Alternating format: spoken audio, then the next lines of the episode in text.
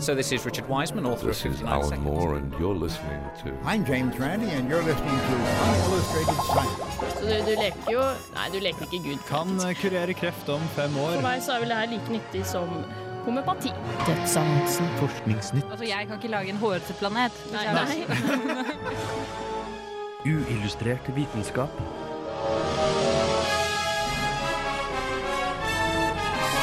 Science, works, bitches. I årets første sending får du vite hvordan man kan lære seg et passord ubevisst. Hvorfor fly etterlater seg hvite striper på himmelen. Og i tillegg får du også masse unyttige fakta om ducktape. Ja, hei og velkommen til første sending for dette året av Uillustrert vitenskap. Yo. Ja. Jeg heter Hogne, og med meg i dag så har jeg Agnes. Hallo. Gaute. Hallo. Og Øyvind. Hei, hei. Så det er alle mann her nå. Fullt hus. Fullt hus, ja ja. Eh, og ja, hva tror dere om denne sendingen? Blir den, er den bra? Eller ville jo vært teit bra. å satse på at den ikke blir bra, eh, ville ikke? Ja. Nei, jeg tror det er mye spennende saker uh, som kommer denne sendinga. Det blir jo ikke mer spennende enn duct tape, om jeg får si det selv. Nei, det blir kanskje ikke det. Men jeg tror vi bare får sette i gang med en uh, låt med en gang. Ja. Dette er This Is A Game av Nick Waterhouse. Hvis jeg spør deg hva er tid, så tenker du sikkert Aha, det vet jeg, det er enkelt, tid er øh, øh, Eller kanskje du prøver å sitere populærkultur? People assume that time is a strict progression of cause to effect, but actually, from a non-linear, non-subjective viewpoint, it's more like a big ball of wibbly-wobbly, timey-wimey stuff. Noe som vanligvis heller ikke gir et godt svar. Gjennom tidene har mennesket forsøkt å forklare hva tid er, og hva tid gjør, noe som har resultert i mange merkelige konklusjoner. Filosofen Parmenides sa at bevegelse er umulig. Hvis et objekt skal flytte seg fra ett sted til et annet, må det ta uendelig mange delvise steg. Ingen kan ta uendelig mange steg. Og hvis bevegelse er umulig, må forandring også være umulig. Og hvis forandring er umulig, så må tid være en illusjon. Newton så på tid som absolutt. Einstein var uenig, og introduserte senere teorien om tidrom, der tid er en fjerde dimensjon som virker sammen med de tre romlige dimensjonene. I kvantemekanikken kan en partikkel være på to steder på én gang, helt til den blir observert. Einstein var uenig med de tilsynelatende tilfeldighetene i kvantemekanikken, og sa at Gud spiller ikke med terninger. I et forsøk på å forsvare kvantemekanikken og gi en forklaring på tilfeldighetene, har det blitt gjort forskning som introduserer nye ideer det kan være vanskelig å forstå og akseptere. En av disse ideene kalles tidssymmetrisk kvantemekanikk. Ideen går ut på at hvis fortiden ikke inneholder nok informasjon til å forutsi hvordan en partikkel oppfører seg, hvor kommer den informasjonen fra som får partikkelen til å gjøre som den gjør? Svaret er enkelt. Fremtiden! Som sagt er det vanskelig å prøve å forestille seg, men ideen blir støttet opp med elegante matematiske bevis og gjennom forsøk med det som kalles svake målinger. Hvis det viser seg at dette faktisk er sannheten, at fremtiden påvirker nåtiden, så betyr jo det at livene våre ikke bare går naturlig fra start til slutt, men at vi allerede er påvirket av noe som ikke har skjedd ennå. Med andre ord så beveger vi oss alle i en bestemt retning. Where? Back to the future!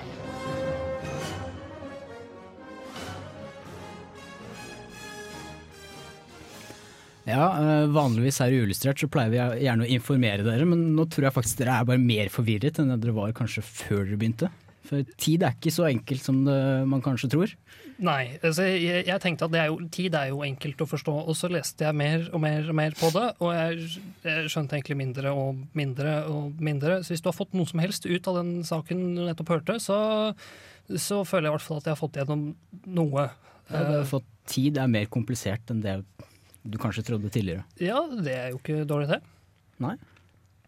Altså, for En av grunnene til at jeg begynte på dette, her var at jeg tenkte at altså, hva er egentlig definisjonen på tid? Uh, og da uh, sjekka jeg da Store norske leksikon, som gir den fantastisk dårlige forklaringen om at tid er ja, tid, varighet eller tidsrom, Uh, måles som differansen mellom to tidspunkter. Og, og det er jo sånne definisjoner som er fryktelig irriterende når de prøver å definere noe med seg selv. Altså, For alle vet at tid er penger. alle vet jo at tid er penger, eh, så, så det er jo det som egentlig burde stått i Store norske leksikon, kan jeg vel eh, enkelt og greit konkludere med. Ja. Og så nevner du dette med spacetime også. Hva Ja. er Eller tid Hva heter det på norsk? Romtid? Romtid eller tidrom eller eh, noe sånt noe. Eh, Det er eh, altså det, det tar rett og slett for seg det at, at de tre dimensjonene som vi er vant til å leve i, altså eh, de som vi går rundt i, henger sammen med da en tidsdimensjon. At det da henger sammen i et slags nett som blir påvirket av bl.a. gravitasjon fra masse og sånn. så hvis du ser for deg hele universet som et stort nett som består av romtid, hvis du da slipper planeter ned på de, så blir liksom nettet da bøyer seg ned, og da krummer tiden seg, så dermed så blir tid oppfattes eh, Eller tid er annerledes ut ifra hvor du er, altså det er en relativ tid, som da Einstein viser fram i denne relativitetsteorien sin. Ja, for Man skulle nesten tro at det kunne gå an å gå i, eh, i alle andre romdimensjoner, så kan du bevege deg i begge retninger. Ja. Men eh, den tid, tidsdimensjonen er det ganske vanskelig å bevege seg i begge retninger. Ja, eh, det er jo det da noen av disse forskerne her prøver å, å motbevise, at tid ikke bare liksom går i den ene retningen, men at det er noe som kommer tilbake igjen sånn at framtiden påvirker oss. Jeg lurer på en ting, fordi du nevnte en eh, gresk filosof som mente at bevegelse er umulig. Og um, jeg skjønte ikke egentlig helt det, fordi hvordan kan bevegelse være umulig, og hvordan kan man da si at tid er en illusjon? Ja, altså Først for å forklare det som han eh, mente da med dette med uendelig mange steg. Eh, et godt eksempel på det er jo det, et av de Zenos paradokser om Akilles og skilpadden. Der Akilles selvfølgelig er mye raskere til å løpe enn skilpadden, men skilpadden får f.eks. 100 meters forsprang. da. Eh, I løpet av den tiden som Akilles bruker på å ta igjen de 100 meterne som eh, skilpadden har til forsprang, så vil jo skilpadden ha flyttet på seg litt. Og da er Akilles nødt til å løpe en ny distanse for å ta igjen skilpadden, og i løpet av den tiden så har skilpadden flyttet på seg litt. Og når han da tar igjen skilpadden enda en gang, så har skilpadden flyttet på seg enda litt til. Og dermed så vil han aldri kunne ta igjen skilpadden. Ja. Dermed så kan han da umulig liksom ta altså Han kan ikke ta uendelig mange steg. Han, det er umulig for han å, å gå forbi skilpadden.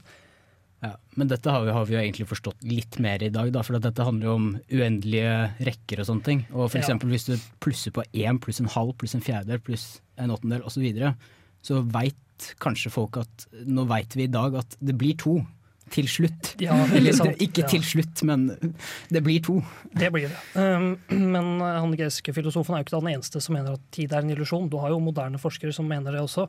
Uh, blant annet en uh, som heter Bourbon, et eller annet uh, til etternavn, som har klart å, å kombinere litt relativitetsteorier og kvantemekanikk og fjerna tiden helt i masse sånn mattegreier. Som, uh, altså det er jo egentlig bare matte. Det ser veldig fint ut i, i den mattetingen, og det er godt mulig det er riktig at tid er en illusjon. At, uh, at tid eksisterer ikke. Det er bare veldig, veldig, veldig, veldig mange bilder som ligger tett etter hverandre.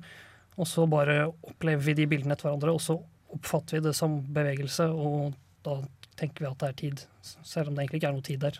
Ja, det er jo veldig mye vi klarer å bevise, eller vise at stemmer matematisk, men så er det veldig vanskelig å få det over på den virkelige verden. Da. Så Ja. det er for eksempel, Strengteori er jo et veldig godt eksempel på dette, hvor fantastisk verden er. Men det er ikke mulig å bevise det. Men matematisk så gir det veldig god mening. Ja. Og kanskje det er sånn med tid også. Også jeg som nettopp hadde begynt å forstå tiden. Ikke sant? Nå må du lære klokka helt på nytt igjen. Det, er, Det går bakover også. det går bakover også. Ja. Men eh, da tror jeg vi får sette i gang en eh, ny låt, og låten passer ganske navnet passer ganske bra, for det er Empty Rooms. Dessverre ikke noe om tid, men i hvert fall Room. Eh, og dette er av Spider God. Det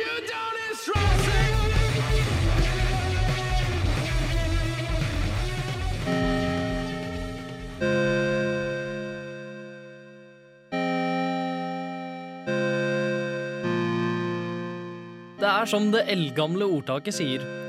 Hvis du ikke kan fikse det, så har du bare ikke brukt nok ducktape. Ikke bare har ducktape reddet vår alles kjære MacGyver utallige ganger, men YouTube er fullstappet med sørstatsamerikanere som stolt viser fram raker og annet verktøy reparert med denne teipen. Eller hva sier du, min gode, tilfeldige Texas-mann? Ja, det kan du si!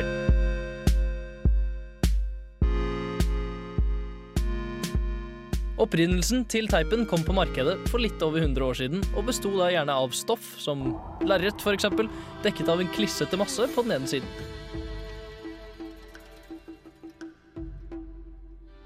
Ducktapen slik vi kjenner den i dag, derimot, ble utviklet under andre verdenskrig for det amerikanske militæret, og den var ment for å holde ammunisjonskasser tørre. På denne tiden ble det forresten kalt ducktape, og ingen vet helt hvorfor.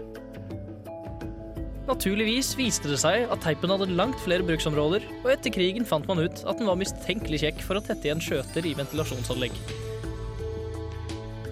Dermed ble ducktape om til ducktape. Typisk ducktape består av tre forskjellige lag. Øverst ligger et svært holdbart plastpolymer kalt polyetylen, gjerne dekket med et aluminiumspulver for å få den velkjente sølvgrå fargen. Under dette ligger et nett av stofftråder, og til slutt kommer naturligvis det gummibaserte klisterlaget, som gjør teipen om til faktisk teip. Noe som klistrer seg til saker og ting, altså. Stofftrådene er ofte laget av lerret og gir teipen bedre struktur, i tillegg til at mesteparten av klisteret fester seg der. Dermed vil altså kvaliteten på teipen og hvor lett den fester seg, i stor grad bestemmes av hvor tett sammenvevd dette laget er. Men uansett kvalitet, om du har en gammel ammunisjonskasse som bare ikke vil bli tørr, eller om du er i generell livsfare, så er det sannsynligvis ducktape som er løsningen. Bare hør hvor glad det gjorde denne lille amerikaneren. Ja, ja, ja. This is FM 100, fighting the evil, music for the people. Keep it locked, lock it off. One more time. Ja, der fikk du Øyvindsens sak om duct-tape. Det heter duct-tape. Veldig viktig. Det er eh, I alle år har jeg gått og tålt uh, alle andre som sier ducktape, og det er feil. Det var riktig før andre verdenskrig, men nå er det feil. Men uh, Altså bestefar er, eller oldefar eller bestefar, jeg vet ikke, er tilgitt? ja, han kan være tilgitt til nød, Ja, okay. men uh, hvis han var i det amerikanske militæret, da. Okay, ja. Men etter, etter andre verdenskrig så ble det jo duct-tape. Eh, men jeg når jeg, hørte nå, eh, når jeg hørte på denne saken nå, så gikk det opp for meg at det var kanskje ikke helt tydelig hvorfor det ble duct-tape. Det er jo altså fordi du har air ducts på engelsk. At det, det er det som liksom er de ventilasjonsanleggene som den ble, ble brukt til. Mm. For så vidt så Det brukes jo ikke til det lenger, kan jeg legge til. Fordi det blir gjort et forsøk på det her. Eh, og det viser seg at det faktisk er skikkelig dårlig eh, til å teipe sånne ting. Eh, men eh, faktisk så er det også Det er helt ulovlig å bygge med ducktape nå til dags. Før brukte man det til broer og alt mulig rart. Hvor- sånn faktisk. Hvorfor er det ulovlig? Nei, altså det er jo kraftig, men det er, det er en midlertidig løsning, kan du si. Ja da. Mm. Er det noe man ikke kan reparere eller eh, bruke ducktape til? Eh, Jeg har et eksempel eh, fra noen år tilbake igjen, da Ryanair forsøkte å bruke en form for ducktape til å teipe en sprekk i kabinen. Eh, og så løsna teipen når de var på lufta, og så måtte de snu og fly tilbake igjen. Um, det er Visstnok så er det en sånn teip som man bruker, da, men det er jo litt kjipt å måtte snu fordi at teipbiten som holdt flyet sammen, datt av. Ja, men det var bra de, de minste fikk snudd, da. sammen. Sånn liten flik Det skal vel sies at det holdt vel ikke flyet sammen, da, men altså Ja, det går bra, for de hadde teipa både vertikalt og horisontalt. Liksom teip, masse teipbiter over, så da gikk det fint. Det er vel noen fra Texas som har laget fly av ducktape også, er det ikke det? Sannsynligvis. Ja. Men eh, jeg drev og tenkte litt. Det er jo faktisk Det er mistenkelig mye spennende om ducktape, fant jeg ut. Mer enn man skulle tro. Det er faktisk to uh, folk i USA som spesialiserer seg på fakta om ducktape. De har skrevet syv bøker. Oi. Eh, og det er, jo, det er jo veldig mye spennende om det. Uh, for eksempel, eh, noen lurer kanskje på hvorfor den tåler så latterlig mye. For den tåler jo opp til uh, Jeg leste, leste et eller annet sted at den kan du kan dra med rundt ett tonn eller noe sånt, hvis du bare har nok ducktape. da. Mm. Men allikevel så kan du rive veldig lett over den. Og grunnen til det, tenker jeg Jeg, skal, altså jeg er ikke helt sikker her. Hvis noen, noen lyttere der ute øh, vet nøyaktig hvorfor, så er det bare å skrive på Facebook. Men øh, jeg regner med at det er fordi det består av det her plaststoffet, som bare er lange sånn hydrokarbonkjeder. Og massevis av bindinger. Men når du river det på tvers, så er det langt færre bindinger å rive over, da, så det er mindre kraft. Mm, ja. Så det, det, det er liksom den følelsen jeg har når jeg prøver å dra over ducktape, er at det, det bøyer seg litt. Sånn det bøyer seg sånn at det ikke er mulig å rive det over. Det er ikke helt eh, fast, liksom. Det er sånn litt for bøyelig til at du klarer å rive over det. Og det er nok bare du som er svak. Ja. Nei, men uh, jeg har eh, jeg har jo brukt masse ducktape i det siste, skal ikke gå inn på hvorfor. Men uh, Gjør bra research til du lærer deg etter hvert. Ja, det var sånn jeg fikk ideen. Ja. Eh, men um, altså Dere har jo hørt om MacGyver. Alle har hørt om MacGyver, har dere ikke? Jo Mm, ja da. klart det.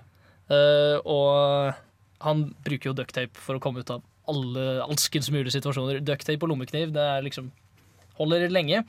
Men eh, det er jo faktisk ikke bare MacGyver som eh, bruker ducktape, eh, som har brukt ducktape i en livstruende situasjon. Eh, fordi jeg fant ut at Apollo 13, vet dere, Oi. på 70-tallet en gang, var det ikke, eh, de, hadde, de hadde jo et veldig stort problem. Det var den maskinen som tar ut CO2 fra ferga. Ble ødelagt. Det kom en sprekk i den, liksom. Mm. Og det er jo lite kult. Men eh, heldigvis så hadde de ducktape, så de klarte å fikse det med, eh, med det. da. Og siden da så har alle de der NASA-fergene har hatt uh, ducktape. Massevis. Er, eh, de må ha det. altså Det er en lov, liksom. Så det er bare å teipe sammen romskip og fly og sånt, det går helt fint. Kan brukes til alt, altså. Ja. Men eh, da får vi sette i gang enda en ny låt. Nå kommer 'Feeling All Right' av Warpaint. For å beskytte hemmelige data bruker vi vanligvis tradisjonelle passord, som består av bokstaver, tall og kanskje også andre tegn. Hvis vi vil ha et sikrere passord, kan vi bare velge et enda lengre passord, slik at det blir enda vanskeligere å finne ut hva passordet ditt er. Men det finnes likevel ett svakt punkt i sikkerhetssystemer som ikke kan løses med lengre passord, nemlig vi menneskelige brukere. Så lenge vi faktisk må huske passordet, er det ingenting som stanser oss fra å røpe passordet, enten vi gjør det frivillig eller blir lurt til det.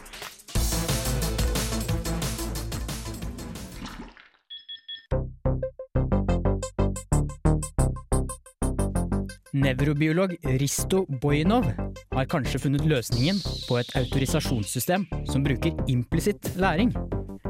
Implisitt læring er læremønstre som kun den ubevisste delen av hjernen behandler. Et eksempel på implisitt læring er f.eks. det å sykle. Selv om man vet hvordan man sykler, kan man likevel ikke forklare hvordan man gjør det, siden denne typen læring er ubevisst.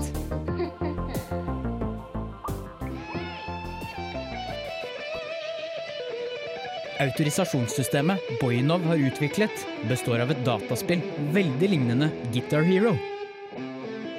Rundinger daler nedover skjermen, og man må deretter time trykkene sine når rundingene når bunnen av skjermen. For å lære seg et passord kreves det at du spiller spillet i ca. 45 minutter. Og etter dette så kan du passordet ditt. For det du ikke merker, er at et 30-tegns mønster er innebygget i spillet, som du ubevisst lærer deg. Så når du skal vise at du kan passordet, fungerer systemet slik at du må gjøre det vesentlig bedre på akkurat ditt 30-tegnsmønster, som du har lært, enn alle andre tilfeldige mønstre. Dermed hjelper det dessverre ikke bare å være veldig god i Guitar Hero for å løse andres passord.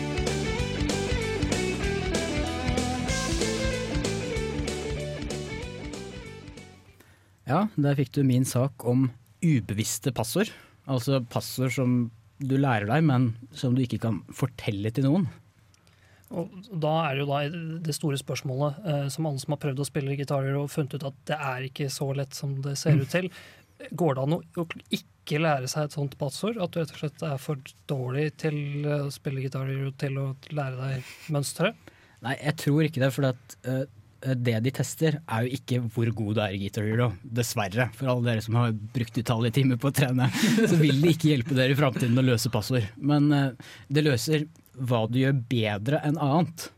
Så det, du, det som da vil skje, er at du vil gjøre det vesentlig bedre på det 30-tegnsmønsteret du har lært deg. Helt uavhengig av hvor god, hvor bra du gjør det generelt. Da. Du kan være fryktelig dårlig i det Guitar Hero-lignende spillet, som ikke, ikke, er basert på lyd, da, men det er bare disse her rundingene som faller ned. Og du kan være fryktelig dårlig, men du vil fortsatt gjøre det litt bedre på den delen du faktisk har øvd på, da, som du ubevisst har øvd på. Og det er det som er da den nøkkelen i, denne, i det passordet. Så mønsteret blir på en måte at, at du suger? du, du, suger, og så sugde du litt mindre på den delen. Og dermed så viste det seg at uh, ja, du, du, dette er ditt passord. Så om noen gjør det veldig bra, det kan jo kanskje være et, være et problem også. Hvis noen alltid klarer å løse alt. Men jeg tror de klarer å skille mellom ganske mye uansett. Men uh, hva kan det egentlig brukes til? Uh, jo, dette her er jo et sånt passord det, Du var et sånt paranoid Eller jeg vet ikke, det er sånn der, den der forskningen heter et eller annet sånn paranoide uh, sikkerhetsmetoder. Da, for det, det, skal jo veldig mye til at du, du krever at å spille 45 minutter og lære deg et sånt passord. Hvorfor holder det ikke bare å lage et kjempelangt passord, f.eks.? Uh, men det de tenker å bruke dette her til, er da spesielt militære, hvor da offiserer og andre soldater kanskje må kunne dette passordet og deretter blir tatt til fange av uh, ja, den, dem de slåss mot, da, de motstanderne. Uh, og da kan jo de tvinge dette passordet ut av dem ved hjelp av tortur eller et eller annet. Hvis det er et vanlig passord, uansett hvor langt det er. Men med denne metoden så går det faktisk ikke an å tvinge det ut av dem, fordi at du, du kan ikke ditt eget passord. Du kan bare spille det fram, men du kan ikke ditt eget passord egentlig. Men uh, hva, hvis de, altså, hva hvis en eller annen fyr blir tatt til fange, og så slenger de en Guitar Hero-gitar i fanget på han? Da vet han at nei, søren, nå kommer landsforræderiet, eller hva vil det ha funka? De, de, diskuterer faktisk litt dette her. Uh, for det første så vet ikke du hvordan denne testen er. Du vet ikke hva dette 30-tegnsmønsteret er, så du må gi han en tilfeldig test i dette spillet. og da vil det ta De har regna på dette. Det vil ta du må da teste 100 brukere i ett år nonstop og da vil du ha 1 til 60 000 sjanse for at du finner dette mønsteret. Så det er veldig, veldig sikkert.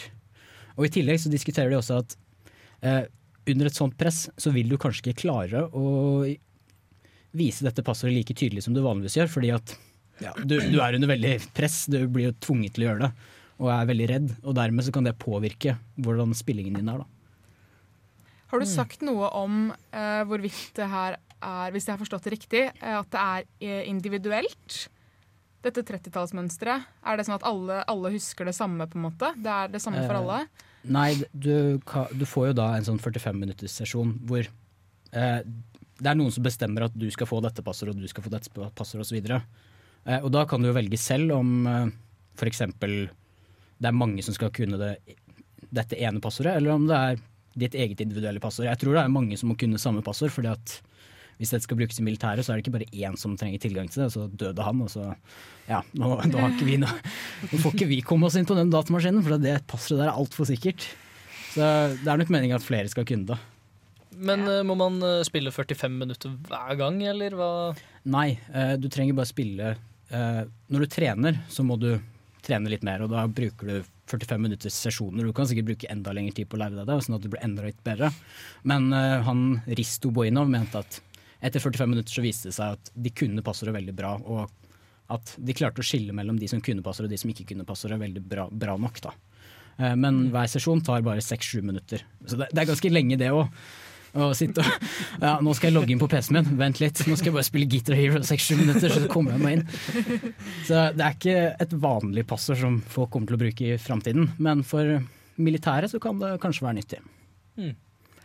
Men da tror jeg det er på tide med å sette, litt, sette på litt mer musikk. Nå får du 'Tug Till It's Over' av Shred Gibbs.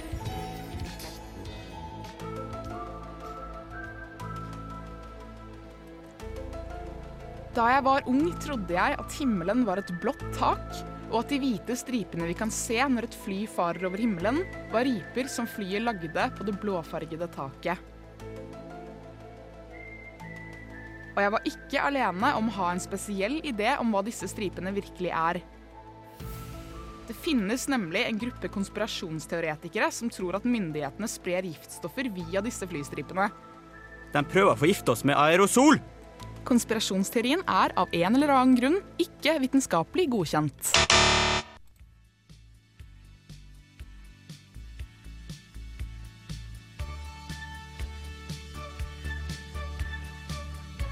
Stripene som dukker opp bak et fly i lufta, kalles kondensstriper. Luften i 10 km høyde har vanligvis en temperatur på minus 50 grader celsius. Når denne kalde lufta avkjøler den varme flyeksosen, blir luften fort overmettet med vanndamp, som gir de hvite kondensstripene. Hvor lenge stripene er synlige på himmelen, avhenger av hvor fuktig lufta er. Det er nemlig veldig viktig hvis vi vil lage en sky. Ingrediensene er tilstrekkelig med luftfuktighet og en kjerne som vanndampen kan vokse på. Disse kjernene kan være nesten hva som helst, så lenge de er ørsmå.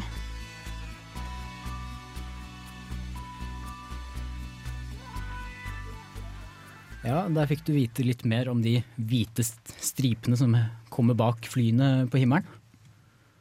Men uh, hva er egentlig Du snakket om Var det aerosol? Aerosol? Sånt? Ja, aerosol. Um, det som er da, er at denne konspirasjonsteorien som jeg snakker litt om, eh, om de flystrippene, også kjent som chemtrails-konspirasjonsteorien, handler om eh, at noen tror da, at myndighetene slipper ut aerosol fra fly. Og aerosol er eh, ørsmå, finforstøvede partikler av enten fast stoff eller væske i en gass. Og størrelsen på partiklene varierer fra mindre enn 10 nanometer i diameteren til eh, over 100 mikrometer i diameter. Da. Eh, og aerosoler kan være en form for støv eller fordampede partikler. Eh, og det som er riktig, eller kanskje det eneste som er fornuftig med denne konspirasjonsteorien, er jo at eh, det slippes jo faktisk ut små partikler. Altså Aerosol er jo på en måte et slags generelt begrep på veldig veldig små partikler. Og det dannes jo eh, forbrenningspartikler underveis i, i forbrenningsmekanismen da, i en jetmotor. Så vil det jo ikke bare være vanndamp og karbondioksid, men også andre små partikler som eh, forekommer når hydrokarboner brenner. Da, som gir også grunnlag for kondensasjonskjerner. Fordi at For at det skal dannes kondensasjon, så må eller, altså kondensasjon settes i gang av en mekanisme. Og den mekanismen er ofte de kjernene. Da, slik at Man sier ofte at kondensasjon vokser på en kjerne. Så det er jo noe som eh, gir mening. Men grunnen til at denne konspirasjonsteorien har blitt så populær, er at noen hevder at flystripene har blitt eh, litt lengre enn de var før. Altså at de varer lenger på himmelen, rett og slett. Eh, Skummel. ja, men det er utrolig mystisk. Før i tiden, ja, da Ja, det var faktisk en gammel Da jeg var ung og stripene var mindre, da Ja, det her var, eh, Jeg leste på Yr at det var en gammel seiler da, som påsto at eh, disse flystrippene varer mistenkelig mye lenger enn før, og at det har blitt flere av dem. Årsaken til at det har blitt eh, flere av dem, er eh, bare veldig enkelt og greit at det er flere fly som kjører over himmelen nå enn det var for 30 år siden. Um, og det at de eh, varer lenger, det kan faktisk også påvise at det er veldig mye luftfuktighet. Fordi veldig mye av de hvite stripene vi ser på himmelen, det er faktisk ikke fra selve jetmotoren, men fra fuktigheten i lufta rundt. Selv om det ser ut som det kommer ut av jetmotoren, at det nesten ja, ser litt ut som en veldig sånn ekstrem forurensningssky da, som kommer ut av jetmotoren, kan man si. Kan det være med på å si noe om, om, om været? Ja, det er nettopp det det kan. fordi at det, det sier noe om luftfuktigheten. Og det som også kan skje, som også er en del av konspirasjonsteorien, er at disse, dere har kanskje sett at de flystripene de kan um, etter hvert oppløses til noe som blir, eller kalles Sirius-skyer. Og disse Sirius-skyene de er med på å påvise om det kommer en varmfront. Og det vil da også si, for de som kan litt meteorologi, at da er det veldig sannsynlig at det kommer nedbør. da. Så det kan spå eh, regn, kan man si. Mm. Men Finnes det noen mer sannsynlige konspirasjonsteorier enn eh, denne her eh, teorien? Uh, jeg syns jo at uh, det er veldig rart å tro Eller ja, man tror jo kanskje at uh, Det morsomste er jo at folk tror at de små partiklene er nanokameraer som spionerer på oss. Eh, og da foretrekker jeg heller den konspirasjonsteorien som handler om at kongehuset egentlig består av blodtørstige reptiler som søker etter verdensherredømme. Som også er en anerkjent konspirasjonsteori. Å få- en konspirasjonsteori anerkjent er vel ikke så veldig vanskelig. ja, den er anerkjent at dette, ikke, dette er bare tull. Ja. Vel, til tross for at de er reptiler, så har de i det minste lært seg å vinke på 17. mai. Det er kanskje der det kommer av. Små armer eller Nei, jeg vet ikke. Nei, nå, nå, nå, nå, nå går vi feil vei her. Så jeg tror vi får bare sette på noe musikk igjen. Ja. Eh, Nå får du Red Eyes av The War on Drugs. Hi, this is James Grime from Numberphile, and this is Unillustrated Science. Ja, da begynner vi å nærme oss uh, slutten. Men uh, aller først så vil jeg gjerne prate om en litt sånn kul effekt. Den heter serial position effect. Og det betyr at når du har noe du skal velge mellom, så er det mye mer sannsynlig at du velger det, du, det som kommer først, eller det som kommer sist.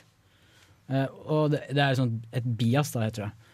Og det er jo noe som påvirker oss veldig mye i hverdagen. For det er veldig mange ganger det er veldig viktig å velge, og det er en liste. Og da tror jeg det er veldig få som tenker over at det er egentlig en veldig stor fordel å være først eller sist. For det er det du husker best. F.eks. hvis noen ramser opp ting, så husker du det som er først og sist. Uh, ja, så litt sånn obs, obs. Eller bare en kul effekt å nevne. Uh, at det påvirker oss. Men uh, vi får bare rase videre i sendingen. Eh, nå får du Digital, Digital Witness av St. Vincent. Good.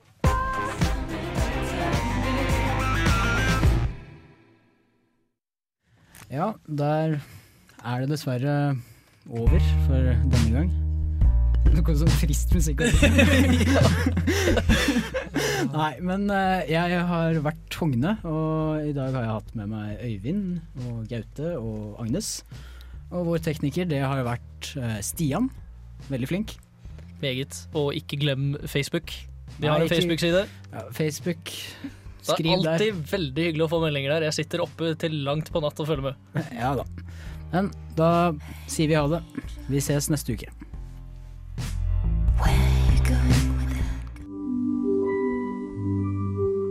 Uillustrert vitenskap er Midt-Norges eneste teknologimagasin på lokalradio. Og vi snakker om alt fra populærvitenskap til sære forskningsprosjekt ved NTNU. Radio Revolt, studentradioen i Trondheim, er stolt av å kunne presentere podkaster fra de aller mest populære programmene våre. Hvis du har lyst til å høre mer fra Radio Revolt, hvem vi er og hva slags musikk vi spiller, så kan du høre oss på FM-båndet i Trondheimsregionen, eller streame sendingene våre live på radiorevolt.no.